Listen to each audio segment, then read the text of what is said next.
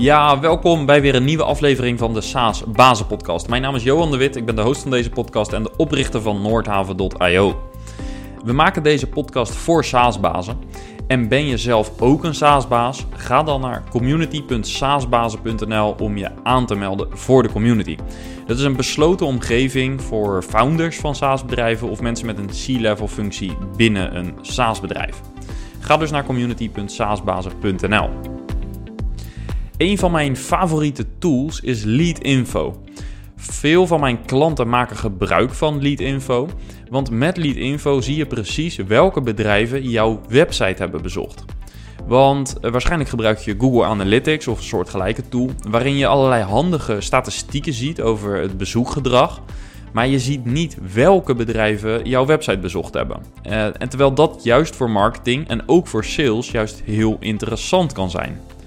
Bovendien zie je ook welke pagina's er door die bedrijven bekeken worden en uh, meer waardevolle informatie die je kunt gebruiken verder in je salesproces. Ga naar leadinfo.com slash saasbazen voor meer info. De afgelopen weken maakte ik in deze podcast zo nu en dan een uitstapje naar SaaS-bazen die niet per se een SaaS-business hebben, maar waar wel een softwarecomponent in hun uh, businessmodel zit. Het meest recente voorbeeld is daarvan Marnix Broer van Sudoku. En vandaag hebben we weer zo'n aflevering. Je hoort Pim Graafmans van Jongwans. Uh, bouwde de afgelopen jaren een platform waarmee freelancers en opdrachtgevers elkaar vinden. En dat is de tweede link met een vrij recente aflevering, waarin ik met Michel Pilet van Clever sprak over zijn product, dat ook actief is in de gig economy, om het zo maar even te noemen. Jongwans is ontstaan vanuit Young Capital, eh, wellicht wel bekend bij je. En in deze aflevering vertelt Pim over de totstandkoming en over de eerste jaren. Laten we snel naar het gesprek gaan. Veel luisterplezier. Yes, Pim, van harte welkom in de SaaS podcast. Dankjewel. Leuk dat je er bent. We gaan het vandaag uh, hebben over uh, jouw business. En dat is eigenlijk niet echt een typische SaaS-business. Maar toch zijn we met elkaar in de praat geraakt. Uh, en nou, voldoende aanleiding gezien om toch erover te gaan hebben. Over Youngmans. meer dan genoeg aanleiding. Ja. Um, ten meer ook omdat ik het zelf al leuk vind om wat variatie in de podcast te hebben als het gaat om SaaS. Uh, en jullie hebben natuurlijk wel degelijk een component uh, SaaS, uh, of software eigenlijk moet ik zeggen, ja. in, in de business. Um, voordat we het daarover gaan hebben, kun je jezelf voorstellen, ja, wie ben je en wat doe je? Ja, nee, nou, dankjewel. leuk hier te zijn. mijn naam is Pim Graafmans, 39 jaar. kom uit Gilze, een mooi dorpje in, in Brabant. daar woon ik samen met mijn vrouw, twee kids, eentje van zes, eentje van één. Dus ik uh, geef ook lekker wat thuisonderwijs uh, op dit moment. Uh, en ehm, ik, ehm, nou, ik, uh, ik tennis graag. Lekker af en toe een keertje wielrennen. Dus een beetje sportief, een beetje sportief blijven. nou, ik ben na mijn studie vrije tijdsmanagement ben ik eigenlijk de uitzendwereld ingerold. bij, bij een partij video binnen gelopen en daar aangenomen. En dat bestaat nu niet meer. En toen kwam ik in 2006 uh, studentenwerk tegen. Uh, dat heet nu Young Capital. En daar ben ik uh, eigenlijk opgegroeid. Ehm, daar ben ik begonnen als recruiter. heel klein was het toen nog, een mannetje of 60. dat was echt nog de opstart. Ja, super, super interessant natuurlijk. vestiging opgezet, heel snel al. Daarna area manager geworden. Ja, en zo heel veel mee kunnen groeien. tot ik uiteindelijk in 2017... Um, ja, op een gegeven moment ook bij de mannen aangaf, de, de oprichters, van joh, ik ben een beetje klaar met mijn functie. En er staan een paar mensen die uh, staan eigenlijk al te trappelen om mij over te gaan nemen. En uh, ik heb altijd geleerd dat je jezelf uh, uiteindelijk vervangbaar moet maken. Um, en dat was het moment. Dus toen had ik de CEO aan de lijn en die zei toen van, ja, wat ga jij dan doen? Toen was het even stil en ik denk, ja, ik zei letterlijk tegen haar van, ik weet nog dat ik in de auto zat. Ik zei, volgens mij heb ik nu mijn baan opgezegd. um, maar het voelde ook heel goed. Want ik was blij dat ik, eh, dat ik mensen had die ik eh, had kunnen, ja, kunnen laten groeien. Uh, en dat die mijn rol konden overnemen. Dus toen, ik als je nog iets hebt, dan hoor ik het graag. En anders dan ga ik iets anders doen. Nou, toen had ik s'avonds had ik Hugo aan de lijn, een van de oprichters. En die zei tegen mij van, joh Pim, ik heb een heel gaaf project voor jou. En ga morgen maar mee naar de Kamer van Koophandel. Um, Want ik heb toevallig een afspraak staan. En ik, ik heb één droom, zei hij. En ik wil eigenlijk dat die, ja, die doelgroep van, van Young Capital... dat die het werk in een broekzak mee kan nemen. Um, en that's it, dat is je opdracht. Wat vet zeg. Ja. en zo kwamen we bij, ja, zo zijn we uiteindelijk bij Jongwas terechtgekomen. Ja. Zo, dus je gevoel voor timing was uh, achteraf gezien ook briljant, om dat telefoontje precies op dat moment te hebben. Ja, ja, ja. ja ik, ik, ja, ik geloof er wel in dat, ja, ik, ik moet zeggen dat ik nooit zo uh, heel ver vooruit kijk. Uh, omdat ik gewoon in geloof van, joh, als je doet wat je leuk vindt, um, dan, en je leert daarvan, je blijft jezelf ontwikkelen ja, dan, dan zit je gewoon goed op je plek. En als het op een gegeven moment niet meer goed voelt, ja, dan moet je, dan moet je dat ook gewoon aan kunnen geven. Ja. Hè, doe ik binnen, binnen mijn team. Uh, ja, vind ik ook altijd open bespreken. Joh, als je je functie niet meer zo leuk vindt, ja, dan ik geef het alsjeblieft aan. Want vaak zijn er heel veel dingen die ik in mijn hoofd heb, die moeten gebeuren. Um, waar ik je prima voor uh, kan inzetten en wat je hartstikke leuk kan uitdagen en dingen van kan leren. Ja, en je bent het levende bewijs dat dat inderdaad het geval is. Ja, ja. Nou, een beetje meant to be misschien. Ja, gaaf. Heel gaaf. uniek verhaal denk ik gelijk al om mee te starten. En ja, en toen? Want dat werd dan tegen je gezegd. Ga maar mee morgen. hoe is dat vervolgens gegaan? Ja, toen zaten we daar met een paar van die hoge pieven van de Kamer van Koophandel. En best wel spannend allemaal kwam natuurlijk best wel uit een, ja, een gegoten organisatie waar alles was geregeld. En ineens was het van, ja, nou mag je alles zelf gaan beslissen.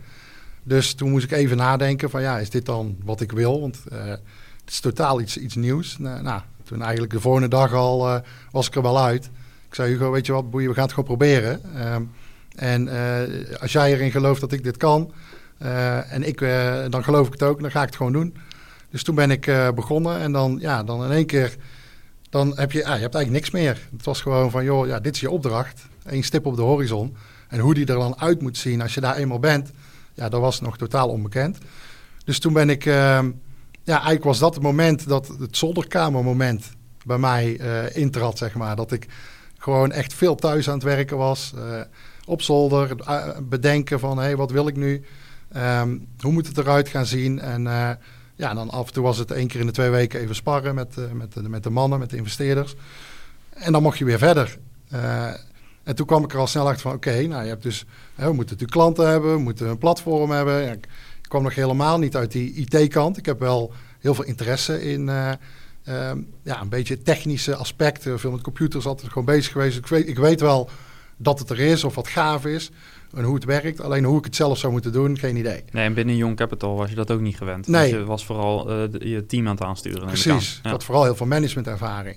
Um, dus toen ben ik, uh, ja, ben ik gewoon maar gaan praten. Dus uh, ik weet nog goed dat ik op een gegeven moment kwam iemand met een, een tip. Want ik, ja, wat je dan gaat doen is gewoon heel veel mensen je netwerk benaderen van joh, ja, ik, ik, ik weet het niet, ga het me maar vertellen. En ik heb wel gemerkt dat op het moment dat je dan jezelf openstelt voor vragen, dat ehm, mensen het gewoon hartstikke leuk vinden om dingen met je te delen. En zo heb ik alles ja, als een spons eh, eigenlijk opge, opgeslorpt. En ehm, ja, zo kwam ik dus ook op een gegeven moment in gesprek met een appontwikkelaar. En ja, achteraf denk ik, die zal waarschijnlijk uh, hebben gezeten van... Jezus, gast, waar begin je aan? uh, want ik had echt te vragen, ja, als, echt als een noob... Dat ik oh, oké, okay, ja, dus jij, je doet iOS-apps ontwikkelen. Ja. En toen zei hij, ja, maar je moet ook een Android-app hebben. Oh, eh, is dat heel anders dan? Uh, weet je, zo, zo ging dat gesprek echt. Um, maar uiteindelijk, uh, als ik daar nu op terugkijk, ja, nu weet ik precies hoe het allemaal werkt. Um, en dat is gewoon een kwestie van ja, gaan uitzoeken. Dus toen, nou, naar een, ik denk, het zal het zijn, drie kwart jaar, of ja, drie, vier maanden. Toen, nou, toen op een gegeven moment toen, kwamen we een, een partij tegen. Die, ehm, die had al een platform gebouwd. het zat in Amsterdam. Uh, toevallig kwamen we daarbij terecht. En ik was natuurlijk volop bezig om dat platform te gaan ontwikkelen. En die zei uh, van, joh, ja, we hebben uh, in principe een, een, een, ja, een database waar je matches kunt maken. En waar, wat, waar wat mensen bevestigd kunnen worden. Waar je wat uren in kunt goedkeuren. Um, en we hebben twee apps. Die hebben we al laten ontwikkelen. Toen dacht ik van, oh shit, ja, die zit in Amsterdam. Ik woon in Brabant. Ik heb altijd gezegd van, joh, online platform, dat kan je overal doen. Ja, ik zag de bijl hangen en dan zit ik straks iedere dag in Amsterdam. En toen zei die jongen uh, de magische woorden van... ja, maar ons platform uh, wordt ontwikkeld door een partij in Tilburg. Door Freshheads. En uh, ik, ja, toen was het ook weer precies... dat moment was echt van, nou, dit is meant to be. Dit moet gewoon kloppen.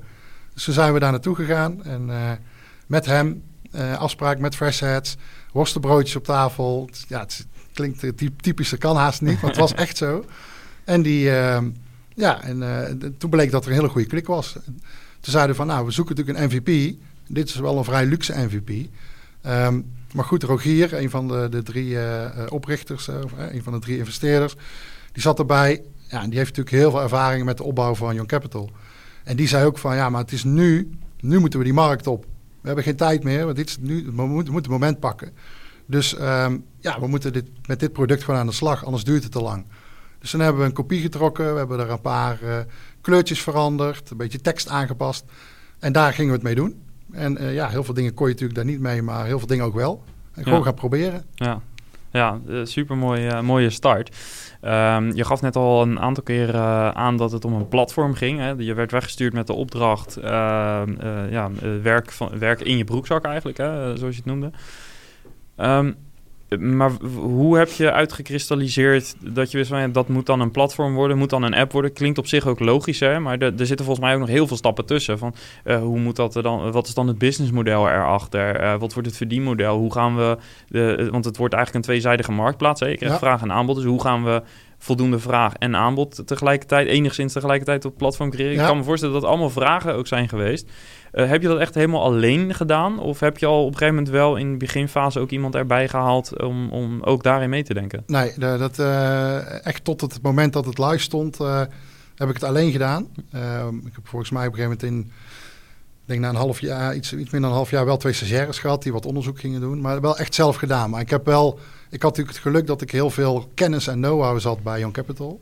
Dus daar ging ik praten met de jurist uh, ik ben gaan praten met finance. Ik ging met uh, een paar commerciële mensen gewoon eens hun netwerk kijken. Van hey, wat voor klanten zouden nu interessant zijn om ook eens een keer mijn platform te proberen straks.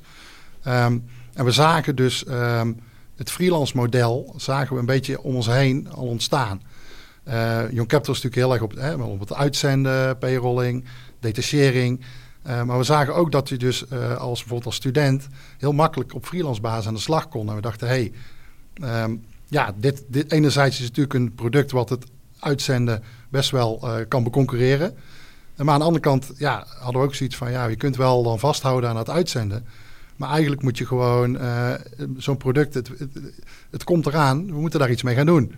Ja, dus, dus je, je, gaat op de golf mee en je gaat hem niet proberen tegen te houden. Ja, precies. Ja. ja. je probeert je uh, in dat opzicht opnieuw te ontwikkelen, hè, zoals Google ook vaak altijd roept. Um, en ja, dus wat hebben we toen bewust voor gekozen om dan ook echt helemaal los te trekken. Dus um, uh, niet binnen de organisatie, uh, echt als een, ja, als een nieuwe start-up.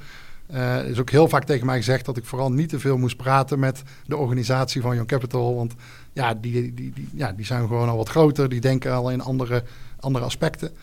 Um, maar goed, daar heb ik op een gegeven moment wel kunnen filteren en daar heb ik dus mijn kennis gehaald. Um, ja, en daar op een gegeven moment mee de markt op gegaan. Dus ik ben op een gegeven moment zelf gaan salesen. toen welkomstgesprekken gaan voeren met kandidaten om kijken van, joh, hè, wat, wat gebeurt daar nou in dat proces? Ja, en toen op een gegeven moment merkte ik van, ik heb morgen ineens 50 gesprekken in mijn agenda staan. Want ik wilde graag dat zij uh, zelf gesprekken konden inplannen via een tooltje. Um, ja, en toen was ik ineens 50 gesprekken aan het voeren en denk, hey, dit is niet goed. Dus dan, nou, dan zet je er gelijk een, een, extra break tussen, dat ze niet zomaar in je agenda iets kunnen inplannen. En zo ga je iedere keer proberen om het proces uh, te verbeteren totdat er iets stond. Uh, en toen had ik uh, twee mensen uh, overgenomen van Young Capital. Um, die echt ja, gewoon met alles aan de slag gingen. Want dat is in het begin ook echt. Je moet gewoon van alle markten thuis zijn. Ja, ja. Je, hebt nog niks aan expertise. Nee, je moet echt generalisten hebben die gewoon echt met 20% van de informatie al comfortabel genoeg zijn om beslissingen te nemen. Ja, ja. ja, ja, gewoon, ja, wat ga ik doen? Ik heb geen idee, zei ik. Ik, zei, ik weet wel wat we allemaal gaan doen, maar het kan morgen kan helemaal iets anders zijn dan vandaag. En die, uh, ja, die gingen mee op die golf en die vonden dat uh, fantastisch, ja. die afwisseling. Super gaaf, ja. ja. Super uh, mooi start-up verhaal, denk ik inderdaad. nu had je dus wel de resources beschikbaar in, de, in verschillende vormen. Dus de kennis, ja. kapitaal hè, via de investeerders. Dus je had verschillende resources van de organisatie van Young Capital natuurlijk ter beschikking. Um, hebben ook bepaalde dingen in dat proces afgeremd? Mm, nee, Nee, nee, ik denk het niet. Want ik, uh, uh, ik vond het eigenlijk wel fijn dat ik die vrijheid kreeg. Um, Dus uh, en er is mij zo vaak ook uh, de, het vertrouwen gegeven en de ruimte dat ze zeiden van joh, weet je, doe maar gewoon. Hè? Ik heb ook altijd geleerd van joh, leer van je fouten, maak fouten, uh, maar zorg wel dat je ervan leert en het daarna meteen goed doet. Dus ja, ik ben heel vaak om mijn bek gegaan. Dat ik echt af en toe echt met, met zweet op mijn voorhoofd weer wegging bij, bij de mannen. Ik dacht van, hoe ga ik dit in godsnaam doen? Maar ja, mocht wel zelf gaan proberen. Dus dat, dat, heb ik gedaan. Dus ik heb me eigenlijk nooit laten remmen. Ik heb altijd gezegd van, joh, ik moet zorgen dat ik wel de lusten ga pakken van al die kennis, maar niet de lasten. Ja, en wat uh, zou zo'n last uh, kunnen zijn? Nou, bijvoorbeeld dat je, um, nou, het begin, uh, dan sprak ik bijvoorbeeld met finance en dan was het van, ja, maar je moet wel zorgen dat je, ja, dat je een heel plan hebt uh, waar al je kosten in, uh, in geboekt kunnen worden. En dat je ook weet van hey, we moeten bij de belasting aangeven. En ik dacht meer van ja, we moeten eerst maar eens gewoon omzet gaan draaien. Dat is het allerbelangrijkste. En hoe we dat dan achteraf uh, in de boeken krijgen, ja, daar zitten genoeg experts. Ik weet niet hoe het moet, maar ik zorg wel dat er iemand is die dat kan. Um, maar daar ga ik nou niet aan beginnen, want dat gaat helemaal niks opleveren. Ja, dus, dus ja. echt super ondernemend denken. En, ja. en een klein beetje wegblijven uit het corporate, het, risk uh, ja. uh, management uh, blijven. Ja, je moet gewoon zorgen. Ik denk dat het allerbelangrijkste is dat je gewoon op een gegeven moment een proof of concept hebt en dat er gewoon omzet gedraaid wordt. Ja. En dan pas kun je, kun je zien of het werkt. Um, en dat was ook ja, hoe we het hebben gedaan. Op een gegeven moment gewoon een twee kleine partijtjes. en nou, er werd groot gevierd dat daar natuurlijk de eerste mensen aan de slag gingen. en van daar ga je kijken van, oh ja, hier loop je tegenaan, daar loop je aan. Dan ga je dat aanpassen. Ja, super iteratief eigenlijk. Ja, je weet ook natuurlijk nog niet welke problemen je gaat tegenkomen. Dus je nee. moet daar ook uh, super flexibel in zijn. Ja.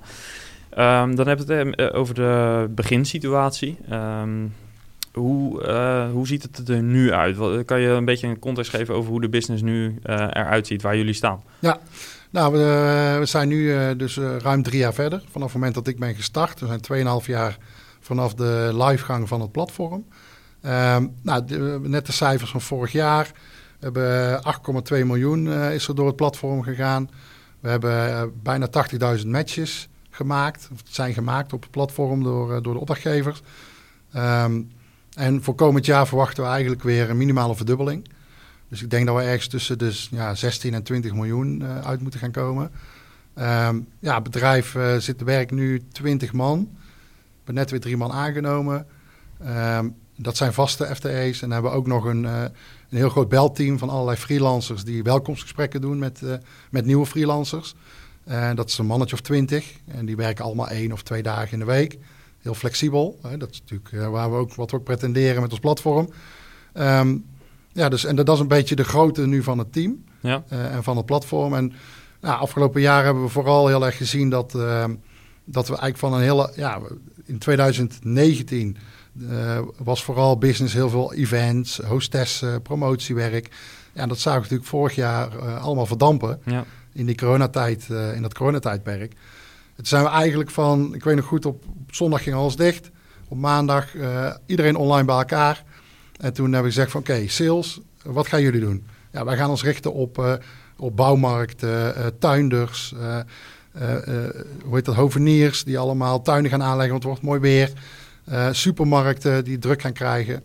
En uh, die hadden smiddags al hun uh, salesplan klaar. Dus die waren de volgende dag al aan het bellen. Ja. marketing ging zich richten op content, ja, echt over de, de nauwregeling, dat soort zaken allemaal, om die freelancers te helpen. Um, en IT heeft toen ook gezegd van oké, okay, welke dingen gaan nu nog bijdragen aan die groei en wat moeten we nu even loslaten? Um, en aan de freelance kant, dat instroomkanaal hebben we echt eventjes gezegd van we zetten dit stil. En we gaan zorgen dat de mensen die nu aan het werk zijn, die nu in onze database zitten, die al geverifieerd zijn, ja, dat die het eerste recht hebben om werk te krijgen. Want de aanmeldingen, ja, die, die schoten omhoog, omdat ja. mensen allemaal een baan zochten. Ja. Uh, dus ook bij ons uitkwamen. Ja, dat betekent eigenlijk dus dat je nog steeds, uh, terwijl je uh, bent gegroeid, heel wendbaar bent met je team. Hè? Als je binnen één dag een heel salesplan kan omgooien, dan kan je denk ik wel spreken over wendbaarheid. Ja. Wat heb je gedaan om die wendbaarheid vanaf het begin af aan de inhoud, dat dat vandaag nog steeds zo wendbaar is? Hoe heb je dat gerealiseerd? Uh, nou, ik geloof er gewoon in dat je, we hadden natuurlijk net al even over die eerste mensen, hè, dat die uh, gewoon eigenlijk alles moeten kunnen. Um, ja, ik geloof wel in dat, je, dat, ik, dat mensen bij ons echt aangenomen hebben op, op een groei, groeigedachte, op groeimentaliteit. Dus geen fixed mindset, maar echt ja, gewoon denken in kansen. overal ja, gewoon groeikansen zien. En um, dat, ja, dat, nou, dat eigenlijk al die mensen die nu bij ons zitten, hebben die mindset. En um, ja, dat zag je dus op die dag ook gelijk. Dat iedereen eigenlijk alleen maar heel enthousiast werd dat er iets veranderde. Ja, en dat, ja, ik denk dat dat best wel uniek is als ik om me heen kijk. Um, ja, dat daar best wel verschillende, uh, verschillen zitten in bedrijven. Um, en ik ja, in die zin geluk heb hè, met jonge mensen, die ook zelf allemaal kunnen uitkiezen. Hè, je hebt je eigen team kunnen bouwen. Ja, en dat, uh, dat mensen dan zo enthousiast zijn, ja, dat is alleen maar tof. En dan ontstaan er dus, hebben we nu ook gezien, veel meer nieuwe kansen. Want wat we nu hebben gedaan is, hebben eigenlijk dus 50% groei kunnen, kunnen realiseren vorig jaar. Dus um, het jaar daarvoor draaiden we uh, eh, 5 miljoen. En nu uh, die 8,2 miljoen. Dus ja, hebt gewoon kunnen groeien in coronatijd, maar allemaal met andere bedrijven. Dus dat betekent ook dat als alles weer open gaat straks, ja, dan komt dat er weer bovenop. Ja. Dus heb je eigenlijk een nieuwe business gecreëerd. Um, waarbij je weet dat, dat als dat straks allemaal weer terugkomt, ja, dan dat je gewoon nog harder kunt gaan groeien. Ja, en um, stel we gaan even dromen. We denken vijf jaar vooruit. En uh, je organisatie is, uh, die groeit net zo snel door, of misschien nog wel exponentieel. Zou je dan met dezelfde, uh, zou je dezelfde HR-strategie erop nahouden? Heb je dan nog steeds uh, dezelfde type mensen nodig, denk je? Of denk je dat je in zo'n maturiteitsfase, zeg maar, waar je dan in terecht komt, dat je dan ander soort mensen ook nodig hebt? Of hoe, hoe zie je dat? Um, nou, ik heb natuurlijk uh, bij Young Capital een beetje gezien hoe dat, uh, hoe dat ging. Um, ja, kijk, op een gegeven moment heb je natuurlijk al experts nodig. Um, aan de andere kant merk ik, merk ik wel dat we hebben natuurlijk een platform. en ik moet eerlijk zeggen dat we hebben niet zo'n heel groot team nodig zou het natuurlijk heel fijn vinden nu, uh, met de, de, kennis die ik heb, om dat team klein te houden uh, en de lijntjes kort. Maar ik merk al wel dat dat, ja, dat, dat je natuurlijk, je bent aan het groeien. Je, hè, kreeg van de week allemaal weer nieuwe mensen en die zeggen ook van, hey, maar waar gaan we dit jaar naartoe? Toen dacht ik van, ja, maar dat wisten we eigenlijk altijd al van elkaar. Dus nu hebben we uh, echt even een online meeting ingepland om iedereen te vertellen wat we gaan doen. Dus um, ja, ik, ik geloof wel dat je straks experts nodig hebt. Aan de andere kant um, denk ik van ja, je hebt je platform, die moet je uh, blijven onderhouden. Hebben natuurlijk best al ver ontwikkeld. Dus ik geloof niet dat dat, ja, dat ik geloof wel dat daar de grootste ontwikkeling hebben gehad. Um, en uh, op salesgebied kun je natuurlijk blijven groeien, want daar blijf je in investeren. Um, en dan krijg je volgens mij meer binnen de teams, dat je daar meer uh, verandering krijgt. Dus dat je daar meer gelaagdheid krijgt, omdat je op een gegeven moment zo groot wordt, ja, dat, je, ja, dat die mensen willen ook een ontwikkelpad, willen weten waar ze aan toe zijn. Dus dan krijg je, ja, krijg je dat meer. Ja, uh, maar je, als ik je goed begrijp, wil je ook, al zou je meerdere managementlagen uiteindelijk toevoegen, wil je toch de, een beetje de ondernemende spirit erin houden. En Absoluut, zou je meer focussen op dat soort. Ja, want, want, in, kan, ja. want in het begin hadden we het natuurlijk over uh, bij Young Capital, uh, grote organisatie, waarbij bijvoorbeeld legal en finance, die zullen op een gegeven moment wat conservatiever mogelijk zijn. Hè? Omdat ze ook, ja, er wordt meer naar je gekeken, er komt meer op je af. Ja. Um, maar als ik je zo hoor, ben je daar binnen Young niet zo heel erg mee bezig. Nee, ja, en ik, ik merk dat dat bij Young Capital ook niet is. Want daar uh, zijpelt het ondernemerschap gewoon echt door de hele organisatie. Hm. En dat komt mede door, uh, natuurlijk ook door gewoon de oprichters die dat, uh, die dat helemaal uitstralen. Dus ook daar zie je dat iedereen die ondernemende mindset heeft. Um, en daar wordt, ja, daar wordt onwijs op gestuurd op, op mensen aannemen tot aan je ontwikkelpad. Dus heb ik heel erg meegekregen. Dus dat zit bij mij ook al in mijn bloed. Dus dat zou ik bij ons dan ook altijd... Uh, ja, ik heb gezien hoe succesvol je daarmee kunt worden. Ja. Dus dat hou ik ook. Ja. Dus je hebt het DNA van uh, Young Capital wel redelijk geadopteerd. Ja, uh, zeker weten. Ja, ja. gaaf. Ja. je geeft aan, er gaat ongeveer 8,2 miljoen nu dit jaar door het, of afgelopen jaar door het platform. wat is jullie businessmodel daarachter? Um, nou, eigenlijk wat wij, wat wij doen is, um, um, wij faciliteren voor, een, voor bedrijven het platform. En uh, met dat platform kunnen zij, op dat platform kunnen ze eigenlijk, uh, net als op een marktplaats, hun klus plaatsen. Um, maar in dit geval zijn dat dan klussen die je uh, over het algemeen ook ziet. dat die wel eens gevuld worden als een, gewoon een vacature. Alleen dan worden ze echt opgeknipt. Dus we, we hebben gezegd van taken opknippen in, of vacatures opknippen in kleine taken. Um, dus zij plaatsen de klus. En vervolgens wordt dat gepusht in de app naar de freelancers. Dat is app only, dus die zitten alleen in de, in de app. En um, zij reageren. En dan vervolgens kan de opdrachtgever die, de geschikte freelancer uitkiezen aan basis van profiel. eigenlijk een beetje zoals je het met Uber ziet. Uh, maar dan voor werk. Ja, dus de, de, ja, we zeiden in de intro, uh, voordat de microfoons ja. aangingen, zeiden we eigenlijk Airbnb voor arbeid. Ja. maar zo zou je het kunnen zien. Ja. ja. En um, de kandidaten, dus de, de, eigenlijk, ja, je noemt geen kandidaten meer, want je gebruikt zelf de term freelancers. Um, wat, voor, wat voor mensen zijn dat en in welke expertisegebieden werken ze? Ja, nou, het zijn, ik denk drie kwart van, de, van, van onze database zijn, zijn echt studenten. Um, en een kwart, dat zijn de, weet je, de startende freelancers. Die net uh, afgestudeerd zijn of net één of twee jaar ervaring hebben. En die zelf iets aan het opstarten zijn, maar eigenlijk nog niet zo ver zijn dat ze ervan kunnen leven. Dus die zeggen van, ik wil niet meer in loondienst ergens. Um, dus ik ga, maar ik heb nog wel tijd over. Hè, bijvoorbeeld uh, mensen die een webshop aan het starten zijn. Of uh, die marketeer, die ergens uh, als marketeer voor een paar dagen in de week aan de slag zijn. Die zeggen, ja, ik heb nog een dag over. Nou, dan ga ik bij spreken bij HelloFresh uh, ga ik pakketten bezorgen. Of ik ga ergens in een magazijn staan, even een dagje gratis fitness. Zien ze dat. Ja, precies. En dat verdient nog goed ook, want ze kunnen gewoon hè, op factuurbasis kunnen ze die uren schrijven. Dus ze zitten ook verder niet vast aan hun loondienstverband. En dat vinden ze fijn, want dat is een keuze die ze gemaakt hebben. Dus, maar het merendeel zijn dus studenten, drie kwart, die wij helpen om ondernemer te worden. Vaak als ze binnenkomen, dan, uh, of, uh, eigenlijk, we noemen het de eerste stap naar hun ondernemerschap. Ze komen binnen, ze zoeken een bijbaantje. Um, en ze willen eigenlijk heel veel vrijheid. Ze willen zelf beslissen van... oké, als ik morgen nog tijd over heb... vallen wat, uh, wat vakken uit... dan wil ik morgen kunnen werken. En dan moet ik zelf bepalen wat ik daarvoor verdien... en waar ik dan ga werken, wat voor werk ik ga doen. En wij bieden ze die keuze via de app. Um, en ja, dat, zijn, dat is net even een andere soort doelgroep dan, uh, dan, ja, dan mensen die gewoon in, op uitzendbasis aan de slag gaan. Ja, dus, je kiezen er echt voor. Ja, dus je gaat eigenlijk van dienstverband ga je naar, uh, je zou zeggen, de gig economy, zeg maar. Dus ja. de kleinere klussen die je kunt uitvoeren. Ja. En um, jullie businessmodel is dan dat je uh, over de gewerkte uren een bepaald percentage rekent aan de opdrachtgever. Kan ja, een vast bedrag. We okay, hebben bewust bedrag. een vast bedrag. Okay. Dus wij krijgen 3,50 per uur. Um, en waarom hebben we dat bewust een vast bedrag gedaan? Omdat Um, een heel mooi voordeel van dit systeem is dat je kunt zeggen: ik bied voor jou bijvoorbeeld 15 euro per uur aan. Maar als ik nou bijvoorbeeld een strandtent heb en het is hartstikke mooi weer morgen. Um, ja, dan, en ik wil zeker zijn dat ik iemand krijg, dan bied ik misschien wel 20 of 25 euro per uur. Um, en wij willen vooral zorgen dat die, uh, die freelancer er beter van wordt.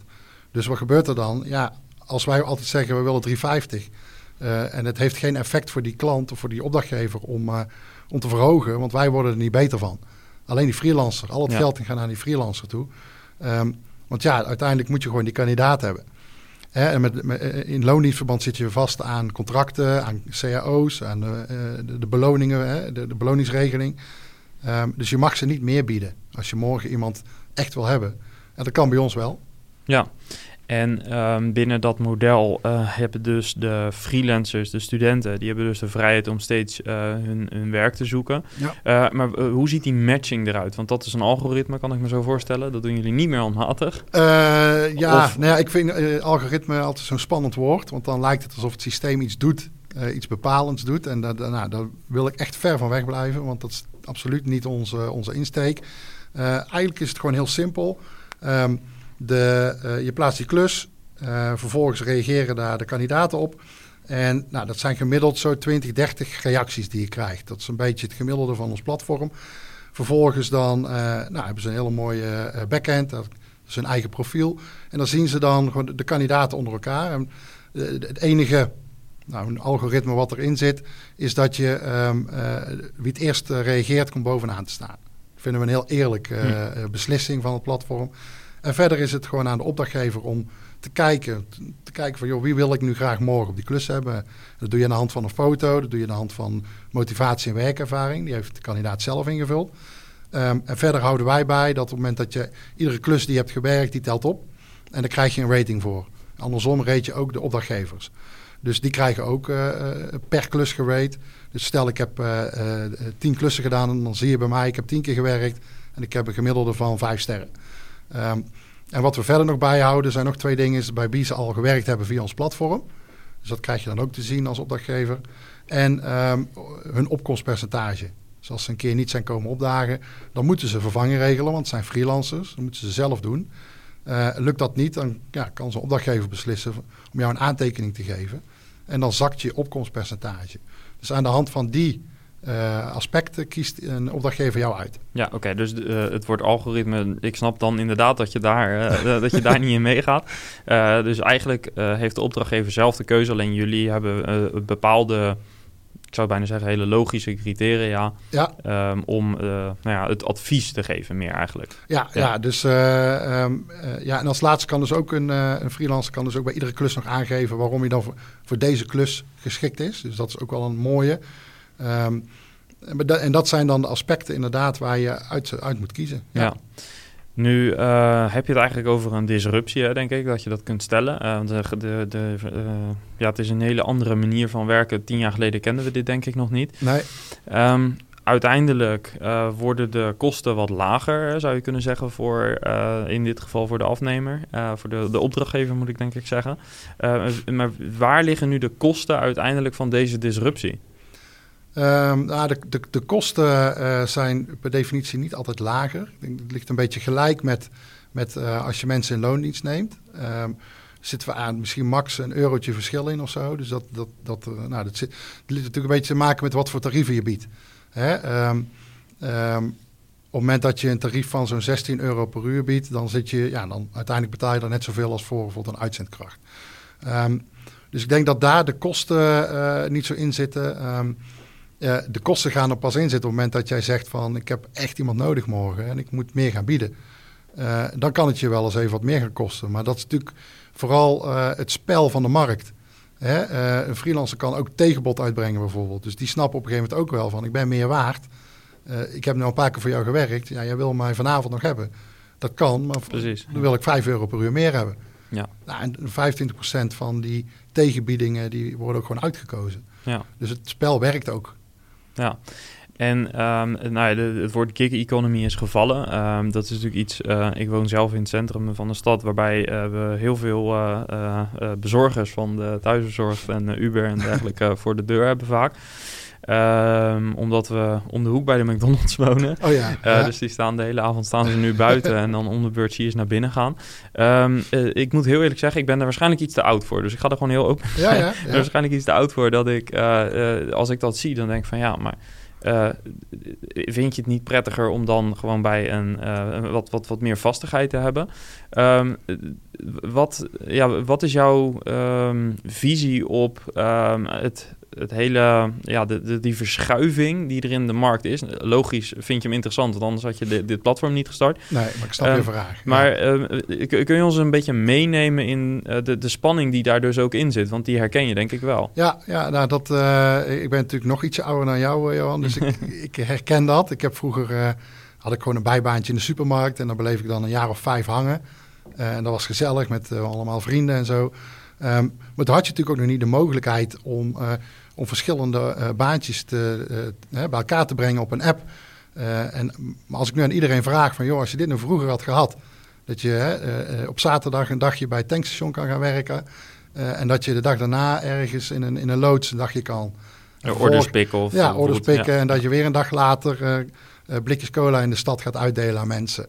Um, en dat je daar ook nog eens goed voor betaald wordt. Uh, dan zegt iedereen van, ja, had ik dit vroeger maar, dit had ik ook wel gewild. Een lekker afwisseling, zelf kiezen. Um, maar goed, uh, het komt ook voort uit gewoon de generatieverschuiving. Hè. Je ziet dat die mensen nu, we hebben heel veel onderzoek gedaan. Um, dat zag je bij Young Capital al, dat die, die, die aan het veranderen. Die wordt natuurlijk steeds meer, roepen ze ook van, ja, ik wil gewoon echt veel meer zelf kunnen bepalen. Weet je, ik heb een flexibel rooster. Nou, hè, je moet tegenwoordig natuurlijk aardig centje verdienen om ook je studie te kunnen betalen. Um, dus die mensen moeten ook echt werken. Dus ja, alleen uh, wat je nu ziet vaak, of wat je zag of ziet uh, binnen de traditionele uh, arbeidsmarkt, is dat een opdrachtgever zegt, ja, ik heb iemand nodig en dan wil ik wel dat hij minimaal drie dagen in de week komt werken. Ja. Ook bij studenten. Ja, en die zeggen, ik heb de ene week tentamen en de andere week heb ik helemaal niks. Ja, dan wil ik eigenlijk meer werken. En dat, ja, dat matcht vaak niet. en je ziet doordat we dit nu aan het aanbieden zijn, want we moeten ook echt bij een aantal opdrachtgevers moeten we echt wel overtuigen. Want die zeggen ook van ja, maar ik zoek iemand voor lange tijd. Ja. Dat kan. Je kunt mensen ook voor lange tijd. Alleen je moet er wel voor openstaan dat die deze week op maandag en dinsdag komt. En volgende week misschien op, alleen op vrijdag. En dan weer twee weken niet. Um, als jij dan je planning wat flexibeler maakt. ja, we moeten ze echt een beetje overtuigen. Dan, ehm, eh, dan kun jij meer mensen binnen je organisatie binnenhalen. die het werk ook veel leuker vinden om te doen. Want dan doen ze het maar uh, op de tijden dat het hun uitkomt. Dan heb je veel gemotiveerdere mensen. Dus eigenlijk zeg je, je hebt uh, aan de ene kant heb je dus de, de millennials, of misschien zelfs de generatie daarna waar we inmiddels uh, in ja, terechtkomen. Ja. die vragen om meer flexibiliteit. En niet misschien alleen omdat ze dat graag willen, maar ook omdat dat weer van hen gevraagd wordt door studie en door alle ja, maatschappelijke ontwikkelingen. Misschien ook wel corona, dat dat zelfs nog een rol speelt daarin. maar zij eigenlijk de dwingen zij, dus bewust of onbewust, ook de opdrachtgevers om ook die flexibiliteit wat meer te omarmen. En dus organisaties die um, wat meer die mindset uh, adopteren, overnemen, uh, daar uh, vind je een wat betere match. Ja, absoluut. Ja, okay, ja, ja, dat zie je. Je ziet echt duidelijk verschil in traditionele gedachten nog. en bijvoorbeeld ook bij startups werkt dit bijvoorbeeld altijd heel snel. Zoals we bij jonge bedrijven binnenkomen. Die zeggen ook van, oh, maar dan gooi ik mijn planning om. En dan gaan we dit zus zo en dan, dan je zorgen dat het werken en de tijden maken niet uit. Ja, ja, ja, die zorgen dat ons product inpast in hun, uh, in hun systeem. En je hebt ook partijen die, die zeggen, ja, maar dit, ja, dit, poeh, dit is lastig dat is ook niet erg, maar dat, dan helpen ze. En heeft dat ook nog te maken met het... Uh, kijk, voor sommige werkzaamheden heb je in principe geen specifieke onboarding of instructies nodig. Maar als je echt wat meer kenniswerk doet, dan past dat denk ik niet zo. Dat is wat lastiger, inderdaad. Ja. Ehm, welke niches, welke marktsegmenten zijn daarmee voor jullie het meest interessant? Nou, we, we dachten dus dat het vooral een beetje horeca, events, promotie, retailwerk eh, en een stukje courieren. Want dat, uh, ja, dat is ook wel uh, natuurlijk en leuk werk. En ze zoeken allemaal die frisse, leuke kop aan de deur. Ja. dus da daar is daarmee begonnen. Maar we kwamen er eigenlijk al heel snel achter dat logistiek zich daar ook heel goed voor leent. Um, het is natuurlijk best makkelijk werk. ook leuk om te doen. Alleen merken we dat die studenten wel zeggen van ik wil het niet een hele week doen. Um, dus dat, dat, dat, ja, je kunt dat snel doen. Je, je hebt weinig inwerktijd nodig. Ehm, maar goed, ja, de, gekste dingen komen voorbij. Ik bedoel, uh, Welke heeft je het meest verrast? Voor, ja, in het begin was het de mascotte. Die kwam regelmatig voorbij. Oh ja, ja, ja, in zo'n pak rondlopen. Um, en uh, nou, met corona, dat je bijvoorbeeld uh, bij een ziekenhuis met zo'n thermometer voor het voorhoofd moest houden om mensen de temperatuur op te meten. Ja, dat zijn wel natuurlijk ook wel leuke dingen. En nu hebben we ook een bedrijf die die kijken van tevoren of, uh, of er in een ei een mannetje of een vrouwtje zit. Uh, dus kunnen ze dan van buitenaf zien. en dat doen nu dus ook studenten die, via ons platform. omdat anders, ik geloof, als het een van de twee is en het komt uit, dan gaan ze in de shredder. Die, die kuikentjes, omdat ze die niet kunnen gebruiken. En nu zorgen ze ervoor dat het, ja, dat van tevoren al wordt voorkomen dat dat moet gebeuren. Okay. Dus dan denk ik van, wow, met de gaafste bedrijven in, in, in aanraking. Ja.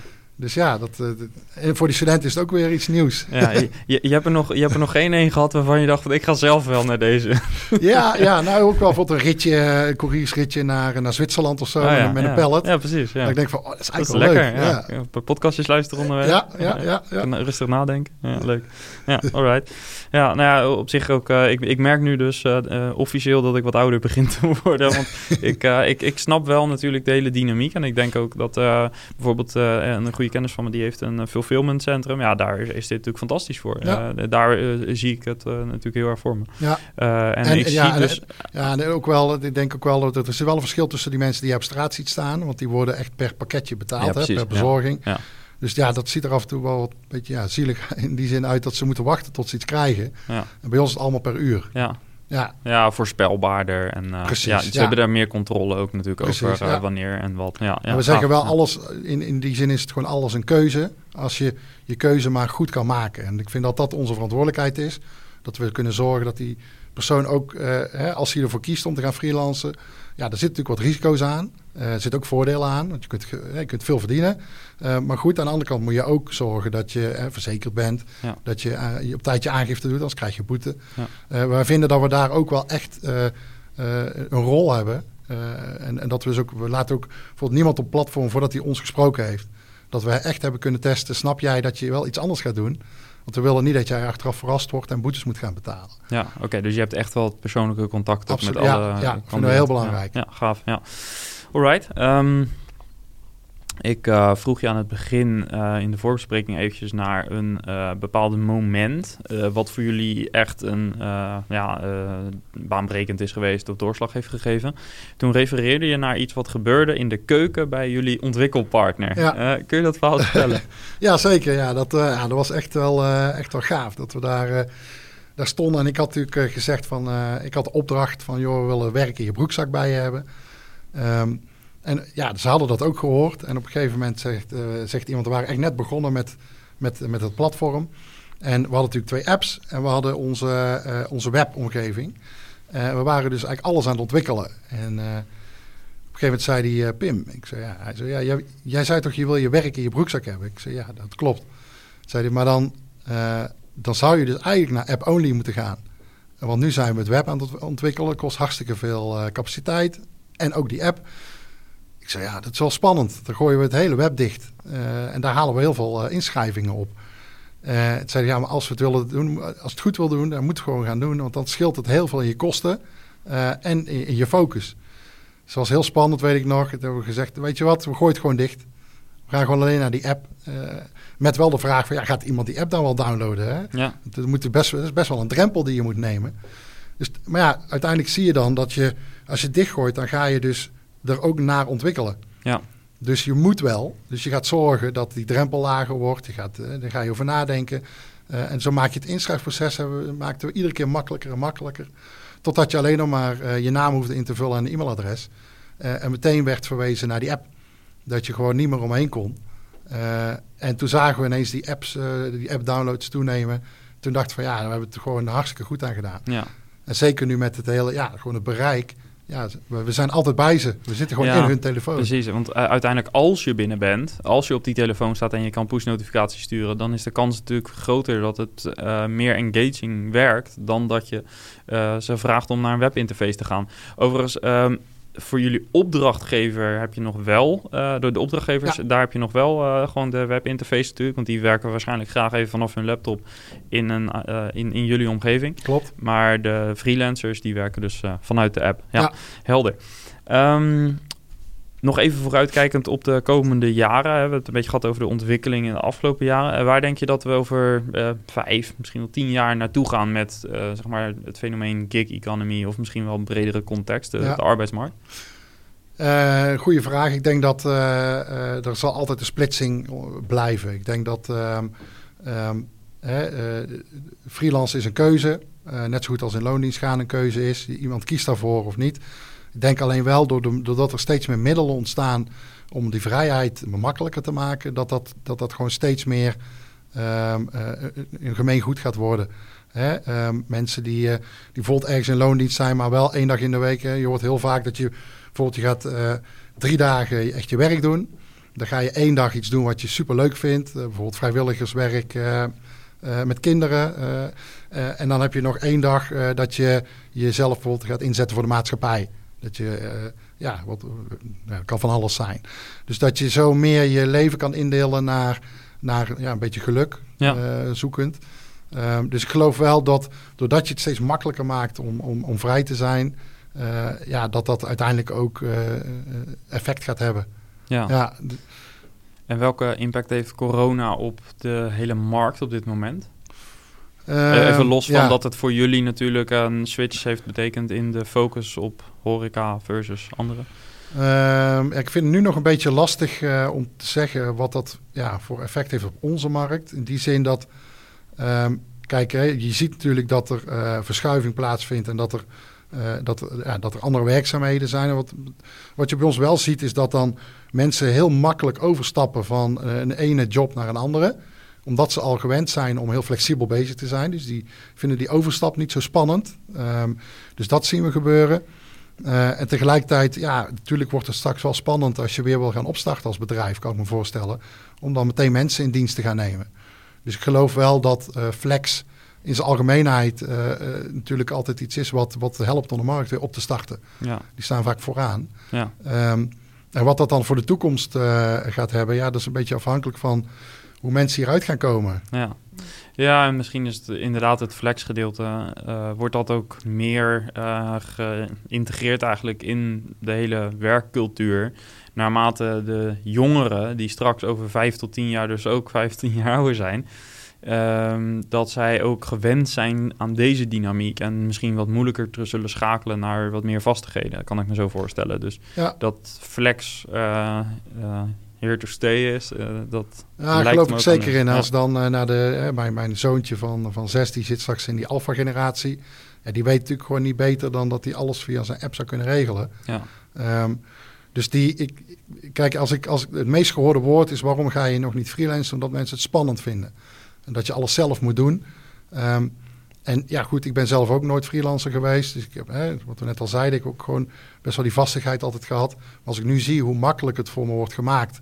Hè, hoe, ik pak een toeltje om te boekhouden. Uh, ik lees me daar, kijk een paar filmpjes over uh, hoe ik mijn aangifte moet doen. Uh, ik zit in een community met 300 man. daar kan ik zo vragen wat ik moet doen, wat ik op regel 10 moet invullen. En, en ik krijg binnen een minuut antwoord. Ja, dus ja. dan word je eigenlijk al geserviced door de community. En is het eigenlijk helemaal niet meer spannend. Ja. Nul risico. Ja. Oké, okay, uh, leuk om dat van jouw uh, kant inderdaad uh, zo te horen. Je bent er natuurlijk veel meer mee bezig dan ik. Um, dan hebben we het ja, over het product gehad. Ik ben over, ook even benieuwd naar jouw rol. Um, ja, hoe jouw rol er in het begin uitzag, dat heb je geschetst. Ja. Hè? Dan doe je echt alles wat je maar moet doen, want zo werkt dat bij een SaaS-baas in het begin. Ja. Um, hoe ziet je rol er nu uit?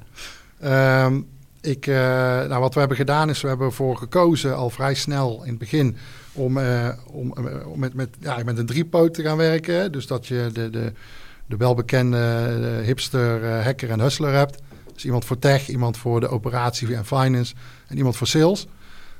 ook ja, ze daarvoor gekozen omdat bij Young Capital was dat ook zo. Dat had ik weer mijn voorbeeld.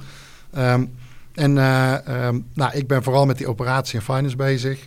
mijn broertje die is eigenlijk vrij snel uh, aan boord gekomen, want die is echt de tech. En uh, een oud collega van mij, die, die is heel goed in de commercie. met die drie zijn we, ja, zijn we het bedrijf gaan vormgeven. Um, op dit moment staan we natuurlijk, het is allemaal wat groter en merk je eigenlijk dat we, ja, dat het product echt wel staat. en merken we dus eigenlijk dat de teams aan het groeien zijn. Dus dan nou, allemaal best wel jonge mensen. En dan merk ik ook van, hé, hey, dan gaan we ook weer in die ontwikkelfase in. Ontwikkelfase van die mensen, die willen zich ook doorontwikkelen. En ik merk, dat vond ik altijd heel leuk uh, toen ik manager was bij, uh, bij Young Capital. Dus daar ligt wel wat meer nu mijn rol om een beetje dat HR-stuk bezig te zijn. Um, maar ook, ja, techniek vind ik ook leuk. En ik vind ook, marketing valt nog steeds onder mij. Dat vind ik ook super leuk om daarmee bezig te zijn. Uh, dus ik heb nog wel eens een podcast geluisterd van jou. Uh, leuke tips uitgehaald. Uh, waar we echt wel dingen mee kunnen doen. Ja, leuk om te horen. Um, heel veel met de users flows bezig geweest. die, nou, de hele borden hangen nu vol. Superleuk. Um, en ja, nu bijvoorbeeld weer een stapje verder naar het buitenland aan het kijken. Dus dan ja, raak ik weer opnieuw beginnen. Ja. Maar dan met een product wat zich al bewezen heeft. Ja, en dat is ook jouw, pro jouw project, zeg ja. maar? Ja, ja. oké. ja. En kun je daar al iets over zeggen waar je in het proces staat? zijn er al eh, beslissingen genomen? Nee, nou, dat zat ik echt heel, heel erg aan het begin. Ja, ik, uh, wat belangrijk moet zijn is dat freelance in dat land een beetje haalbaar is. Dat het land over open staat, laat ik het zo zeggen. want ja, goed, je, ik heb al gekeken bijvoorbeeld een beetje de, hoe zuidelijker je gaat. Spanje, Italië, daar, ja, daar is freelance gewoon niet zo, ja, dat is nog niet zo ontwikkeld.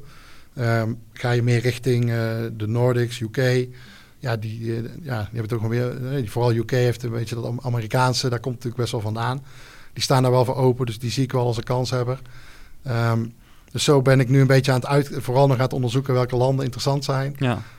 Um, maar ja, ondertussen denk ik ook van, oh ja, we moeten ook het platform. Moet dus ik heb vorige week alweer een afspraak bij Freshheads om, uh, om te bespreken hoe, moeten we dat, hoe moeten we dat nou technisch gaan doen. Ja. Weet je, moeten we één platform en dat we laten vertalen door communities of uh, moeten we wachten tot we die microservice hebben die we nu zijn we nu aan het bouwen? Um, of moeten we gewoon een kopie trekken, vertalen en los? Ja. Uh, dus dat zijn allemaal keuzes die ik ook moet gaan maken. Ja. En ik wil eigenlijk wel in Q3 uh, ja, een proof of concept hebben. Ja, dus het wordt weer een hectisch jaar. Ja. Leuk. Ja.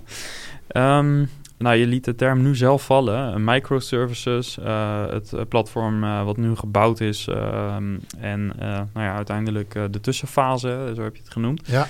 Um, kun je ons meenemen in die drie fasen? want zo noem je het, hè? Dus jullie hebben eerst het platform laten ontwikkelen. vervolgens hebben jullie dat platform wat meer in huis gehaald. Ja. En nu zijn jullie toe aan de volgende fase. Kun je ons die drie stappen schetsen? Ja, ja, ja we begonnen inderdaad met het MVP, een vrij luxe MVP. Um, ja, dat was, eh, die was al wel een jaartje of twee, drie oud. Uh, dus die, uh, nou goed, dat was prima voor de start.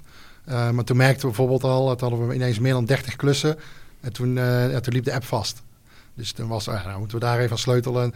zo liepen we tegen steeds meer dingen aan. En op een gegeven moment kregen we niet meer weggesleuteld. Dus toen hebben we ook gezegd, we moeten gaan refactoren. Dus dat zijn we toen gaan doen met het, toen nog met het, gewoon de ontwikkelpartij. Um, en eigenlijk na de refactoring was het van, nou, nu moeten we er naartoe gaan werken dat we het zelf kunnen gaan doen. Dus zijn we eerst een uh, lead developer aangenomen die, ja, die gewoon de kar kan trekken. Uh, nou, toen kwamen we zo eens een keer een, uh, een programmeur tegen in de juiste taal. En, dus die hebben we ook aangenomen. en toen zagen we van, nou, als we dan kunnen programmeren, dan moeten we ook wel wat, kunnen, wat die UX kunnen, kunnen gaan doen. En we hebben natuurlijk nog de app die in Xamarin is gebouwd. Nou, dus op een gegeven moment ook iemand die dat wel wilde leren. En nu zijn wij in de fase dat we dat team hebben, dat ze het zelf al uh, aan het overnemen zijn, maar echt wel in samenwerking met, uh, met Freshheads nog. Ja. Uh, dus de, die fase zitten we nu. Um, en we merken nu dat, ja, het is natuurlijk gewoon, het is één, ja, één brok platform. En we merken van, ja, we willen gewoon niet dat als bijvoorbeeld ergens in de inschrijfmodule een foutje zit, dat je dan aan de achterkant geen mensen kan uitkiezen. Dat, gebeurde wel eens. Uh, gelukkig niet vaak, maar ja, dat, dat is wel iets waar je, waar je op een gegeven moment, als je nog groter wordt, dat eh, steeds belangrijker wordt. Dus nu zijn we, uh, uh, nu hebben we doel gesteld om ook in Q3 dit jaar alles in microservice omgebouwd te hebben. Dus alles wat we nu nieuw bouwen, bouwen we al in microservice. En dat gaan jullie zelf doen? En dat doen we helemaal zelf, ja. ja. ja. En hoe kom je aan die expertise? Want ik kan me voorstellen dat dat, dat het development team ook weer op een iets andere manier moet gaan denken. Uh, ja, nou dat is eigenlijk uh, een beetje geluk dat de, de lead developer dit al een keer heeft gedaan. Dus hij heeft al een keer iets in microservice gebouwd of omgebouwd. Uh, hij heeft zelf een, een bedrijf gehad waar hij waar die dat heeft gedaan en die riep dat altijd al. Toen hoorden we ineens om ons heen heel veel partijen zeggen van ah, wij zouden het ook heel graag willen. maar wij doen het niet omdat het zo'n exercitie is. Ja. Dus toen zei je van ja, dan moeten we het nu doen. Nu zijn we nog. Hoe, hoe, ja, dat, met dat soort beslissingen is het vaak. Uh, het, hij kan een beetje zeer doen vanwege de hoeveelheid resources en dat soort dingen. Maar hoe verder je hem uitstelt, hoe erger het wordt dan. Ja, nou dat klopt. Dus we hebben nu ook gezegd, uh, toevallig gisteren een meeting gehad met mijn broertje ook uh, erbij, die ook zei van Job, weet je, we moeten nu gewoon beslissen. We gaan komend kwartaal gewoon even geen grote features meer erin. Dat hebben we ook niet nodig. We luisteren heel veel naar de opdrachtgevers, heel veel naar de klant die zegt van, joh, ja, dit heb ik nodig. En dan kijken wij van, joh, krijgen we dat vaker terug? Ja. Um, en aan de hand van dat ontwikkelen we. we krijgen nu eigenlijk heel weinig vragen meer de laatste weken, maanden. Dus hebben we gezegd van, nou, dan leggen we dat stil. En dan gaan we nu gewoon volledig op die microservice even, even gas geven. Uh, en dan heb je daar gewoon de komende jaren profijt van. Ja, maakt het uh, dus schaalbaarder en uh, beter beheersbaar. Ja.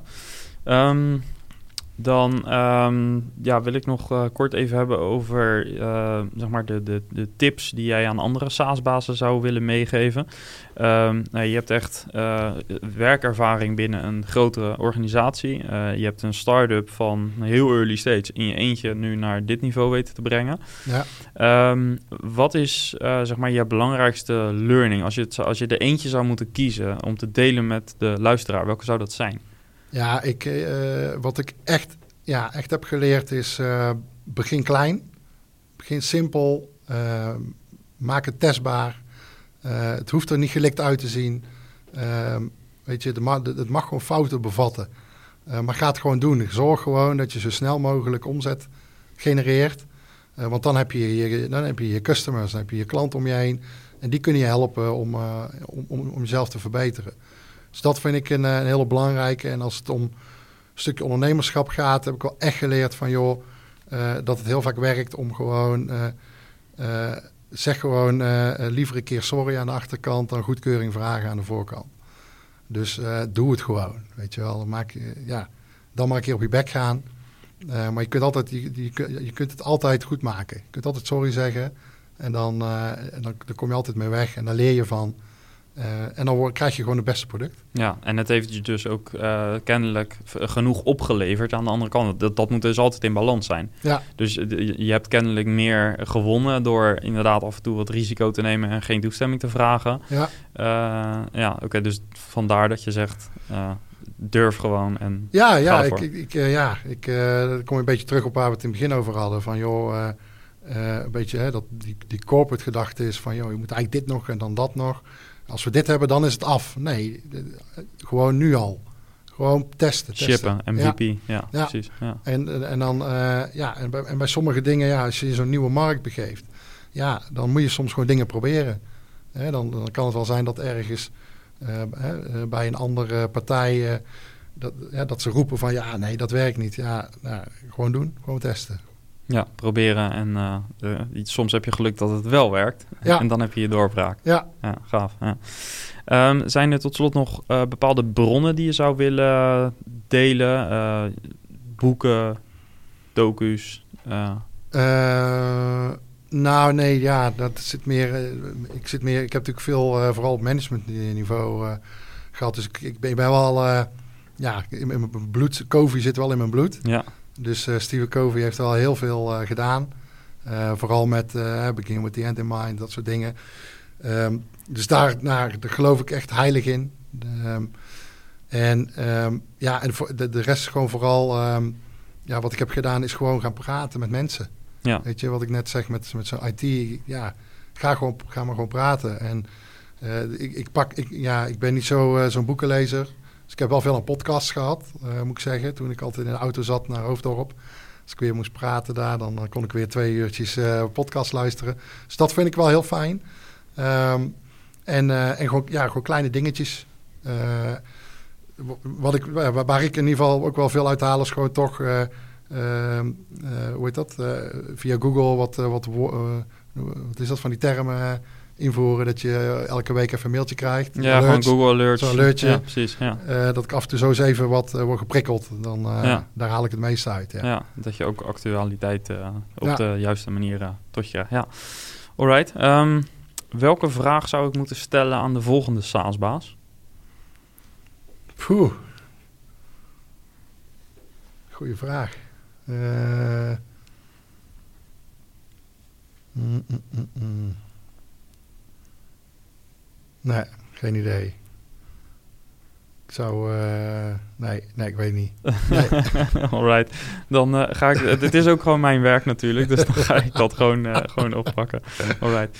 Ja, dan wil ik je ontzettend bedanken voor je inkijkje in eh, jullie platform. Eh, nou, le- ook leuk om een keer eh, echt goed stil te staan bij eh, eh, nou ja, de, de gig economy, zeg maar. Eh, ik ben er zelf eigenlijk, wat ik al zei, niet zo super bekend mee, maar ik weet dat het speelt en ik zie dat het eh, in opkomst is. En ik vind het ook heel gaaf om dat dan eh, vanuit eh, jouw perspectief een keer zo te horen. Ja, Dus dank daarvoor. En ook dank voor het eh, delen van de learnings. En eh, ook eh, nogmaals, ook via deze plek, nog dank voor het aanbrengen van, of het in contact brengen van Daan, die eerder in de podcast is geweest. oh ja, ja dus ja, daar hadden we het even over. Een hele waardevolle aflevering ook geworden. Dus ja, Ja. bedankt daarvoor. Ik heb de vraag nog. Oh, nog ja, nou, ja, kom maar door dan. Ja, die, wat die ik vaak toch wel stel is van waar, waar krijg jij nou die glinstering van in je ogen? Dus waar word je echt, daar word je, waar, word je nou echt heel happy van? Dan ga je naar huis en zeg je van, ah, ik ben blij, ik, ben, eh, ik heb energie gekregen. Top. Ik Ja. eh, ga hem eh, noteren en aan de volgende SaaS-baas stellen. Dankjewel. Ja, jij ook bedankt.